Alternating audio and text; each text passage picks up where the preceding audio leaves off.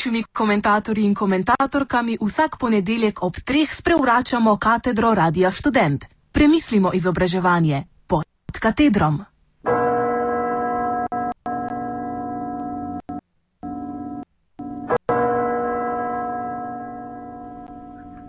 Šolski zvonec, komu ne zvoni in kdo ga ne sliši. Drugi del. Nadaljujemo z nekoliko podrobnejšo preučitvijo smisla šolskega zvonca in vprašanjem, kaj pomeni vse bolj razširjeni trend njegovega ukinjanja. Če za začetek povzamem osnovne ugotovitve izpostavljene zadnjič, naj najprej povdarim, kako gre po mojem mnenju interpretirati ta fenomen, se pravi, kaj nam trend ukinjanja šolskih zvoncev sporoča.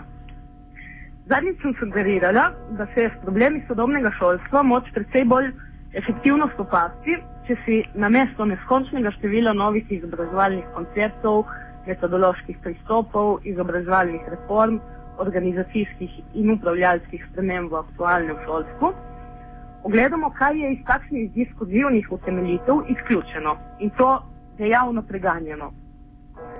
Sugerirala sem tudi, da ukolikor uberemo takšno negativno pot problematiziranja, lahko dokopljamo do enotnega sklepa, da je namreč iz vseh teh diskurzov izključena ena in ista stvar. Skratka, da obstaja neka enotna forma problema, nek takšen objekt, ki ga noben aktualni izobraževalni diskurz ne prenese in ga zato dejavno ukinja. Zatanko sem v točko dejavnega zavračanja, nečesa, če se vsebino moramo šele razbrati, sem umestila trend ukinjanja šolskih zvoncev. Lahko bi rekla takole, kakor so sanje za Freuda kraljevska pot do nezavednega, tako je treba v ukinjanju šolskih zvoncev prepoznati kraljevsko pot do simptoma sodobnega šolstva. No, kako je prišlo do ukinitve šolskega zvonca? Do ukinitve ni prišlo, pač pa če dalje prihaja in to povsem spontano, brez posredovanja slehrnih stricev iz ozadja.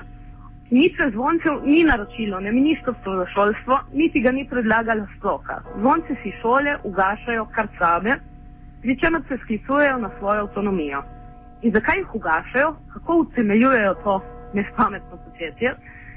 Navedli smo primer šole, ki ugasnitev zvonca reklamira pod slogani demokratizacije, predvsem pa pod geslom doseganja večje avtentičnosti. Spomnimo, ob uvajanju novih učnih metod, ki bodo naredile pouk zanimivejši, bolj tester in raznolik, ob uvajanju takšnih metod, ki bodo doprinesle pristnejši stik med učitelj, učiteljem in učencem, dolžina učne ure ne bo več predpisana. In posledično zvonec, sonorično znamenje začetka in konca ure, je postal nesmisel. Temu smo dodali poročilo neke nesrečne matere, ki jo bo obisko šole za manj čakala na obvestilo zvonca, pač da bi svojemu sinu ob tej priliki izočila pozabljene superge. Učiteljica pa je naknadno materi prijazno obrazložila, da so zvonec na šoli ukinili, ker da ni več potreben, ker da s poukom spontano začnejo in spontano končajo, včasih prej, včasih kasneje. Skratka, trend ugasnitve šolskega zvonca velja doseganju večje spontanosti, zanimivosti, raznolikosti, boljše organizacije pouka, doseganju pristnejšega odnosa učitelj-učenec proces izobraževanja in dalje omogočanju fleksibilnega urnika šolskega, ter na zadnje v izogib odvečnemu traumatiziranju učencem z nečim otroku tujerodnim, recimo temu tako. No, na tanku v tem povzetku gre prepoznati osnovni vzorec delovanja aktualne izobraževalne ideologije. V imenu izvajanja avtonomije si šolarji kar sami spodkopavajo tista tla, na katerih se ne vzpostavljajo svojo avtonomijo, tako da si odjemljajo objektivna sredstva slehrnega možnega doseganja avtonomije. To je temeljno sporočilo, ki ga je moč razbrati v zadju obravnavanega fenomena. Če se zdaj vprašamo po globjem smislu šolskega zvonca, lahko navedemo naslednje tri smisle. Zvonec je prvič nosilec splošnega družbenega koda, ki zavezuje in nadoloča posameznika. V primeru šole gre za objektivni znak začetka in konca ure, začetka in konca pouka. Drugič, v zvonjenju zvonca, koliko gre za neko sonorično entiteto, lahko prepoznamo vir estetskega ogorja. In dejansko tudi ta trend obstoji. Na šolah, kjer zvoncev niso ukinili, so zvok nadležne in dolgočasne vibracije nadomestili s kako prijetnejšo melodijo. Na nekaterih šolah so zvonec kot signal začetka in konca nadomestili preprosto s takšno ali drugačno glasbo, ki naj učence sprošna ali poživlja v času odmorov. V tem primeru je poročilo spet jasno. Poročilo. Če smo že obdržali sonovična obvestila, potem naj bodo vsaj ta prijetna. Njihova funkcija pravzaprav sploh ni več obveščanje, temveč ugajanje. No, in tretjič, obstoji še nek tretji smisel zvonca, ki ga ni moč subsumirati ne pod funkcijo družbenega koda, ne pod funkcijo estetskega uživanja. To je njegova čisto materialna, ritualna plat, izolirana zvočna emisija, ki preostane kot entiteta čisto nesmiselnega zvoka. Sedaj, ko odmislimo njegovo obveščevalno in estetsko plat. Gre za čisto materialni moment zvoka, ki nastopa kot brezmiselno dopolnilo k črti zakona, a hkrati za moment, ki zakonu šele oskrbi avtoriteto in iz njega napravi dejanje. To je element moči, glas zvonca ima moč, da lahko pretvori besedo v dejanje, da samo vokalizacijo besedam podeli ritualni značaj.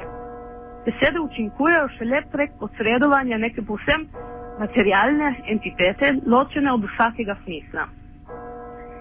In ne mara ni na ključe, da je zvonec eden najstarejših instrumentov, ki se v malo da ne vseh zgodovinskih kulturah pojavlja kot obvezni del družbenih ritualov. In to ne le religioznih, tudi sekularnih.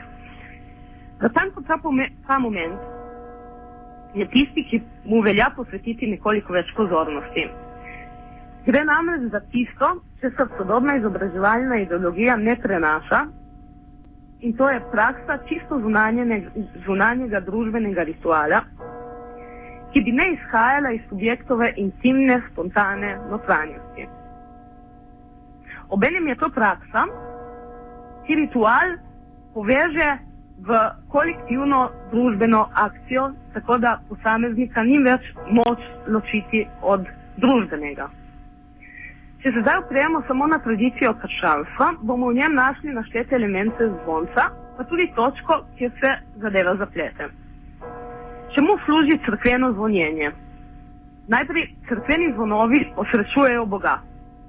V stari zavezi bomo našli pasce, naprimer v psalmu 98, ki narekujejo, da je Gospodu v hvalo treba proizvajati vedri, radostni hrup.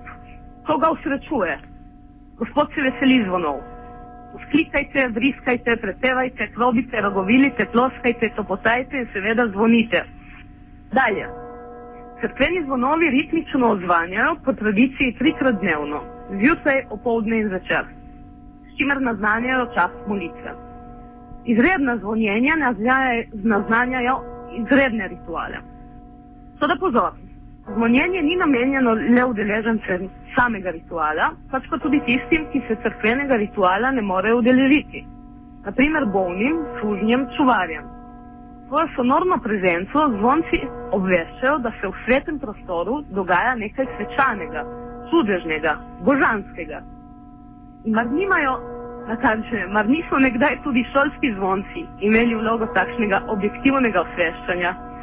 Osveščanja, da se nekje v nekem materialnem prostoru dejansko izvaja pouk, praksa vzgoje in izobraževanja. Mar niso staršem, ki nima oni nesrečni materi, javnosti kot taki, zvonovi naznanjali, da se v šolah dogaja nekaj pomembnega? Temu se vrnemo ob koncu prispevka. Predtem naj skiciram še zadnjo razsežnost razmerja krščanstva do zvoncev. Za razliko od stare zaveze ima nova zaveza nekoliko bolj dvoumno razmerje do zvoncev, ki ga tipično ponazarja naslednji pasus. Pasus o krščanski ljubezni, vzeti iz drugega pisma Korinčanom. Pravi takole. Ko bi govoril človeške in angelske jezike, ljubezni pa bi ne imel, sem postal brneč bron ali zveneče cimbale. Ljubezen je potrpežljiva, dobrotljiva, ljubezen ni nevošljiva, ljubezen se ponaša, se ne napihuje, ni brezobzirna, ne išče svojega, ne da se razdražiti, ne misli hudega, ne veseli se krivice, veseli pa se resnice in tako dalje. Zakaj gre v tem pasusu? Gre za poziv k dejanju čiste ljubezni, neposrednega odnosa do Boga. Ločenega od vseh zunanjih, nesubjektiviranih elementov, elementov, ki bi utegnili oskruniti čisto osebno, spontano, iskreno verovanje. Ko bi govoril človeške in angelske jezike, ljubezni pa bi ne imel, sem postal brneč dron, hočem reči brneč zvon in zveneče cimbele. Kar hoče reči, če veruješ, moliš, zvoniš, ne da bi o tem ljubil in svoje najbolj intimne notranjosti, bi bil čisti videz, brez prave vere. V tej luči se zvonec izkaže kot odvečno materialno sredstvo, ki pravemu verovanju prej škodi kot koristi. Zvonec postane nosilec nepotrebne idolatrije, izdelovanja malikov in praznoverja, to pa so hudičevi, neverski posli. In če bi imeli nekoliko več časa, bi vam navedli nekaj zelo zabavnih vrstic zagovora nekega pastorja, ki rabo zvoncev povezuje z magivo čaranjem in satanovo intervenco. Naj ob tem mimo grede spomnim še naslovite Pavlove eksperimente, ki vam Pavlom pr prvi besedilistični psiholog, ki so pokazali, da je človeka moč privesti do slinjenja z enim samim svigljajem zvonca. Študije Pavlov izvajajo eksperimente na vseh. No, omenjeni pastor ob tem pripomni, če je Satan vedel za zvonce in njihovo čarodejno zaslepljevalne učinke že dolgo pred Pavlovom. Iz magične moči zvoncev bomo mi izpeljali nekoliko drugačno poanto od pastorjeve. Pouk, šola se ne more odvijati brez teatra, ritualne inscenacije izobraževanja. Ukinitev zvoncev je v toliko znamenje izgona družbenega, to je javno ali skupno ali kolektivno v njegovi materialni ritualnosti. Ta proces je toliko kot ropanje materialnih sredstev kolektivnega, skupnega in družbenega, ki je povsem primerljivo s procesom ekonomske privatizacije. To, da naj znova povdarim, ni nobenih stricev iz ozadja, ki bi ukazovali omenjeni rob. Ta rob je samo izrob. Profesor Goras Kovačič je na nekem slovitem predavanju pripomnil, da se danes samo še delamo, da izobražujemo. Učitelji se delajo, da poučujejo, učenci se delajo, da se učijo, profesori se delajo, da predavajo, študenti se delajo, da študirajo in tako dalje. Žalost se s tem ne morem strinjati. Pravi, nažalost, če bi se vsaj delali, bi od izobraževanja ostalo še nekaj. Končni premislek o zvoncih sem pripravila Ana Jovanovič.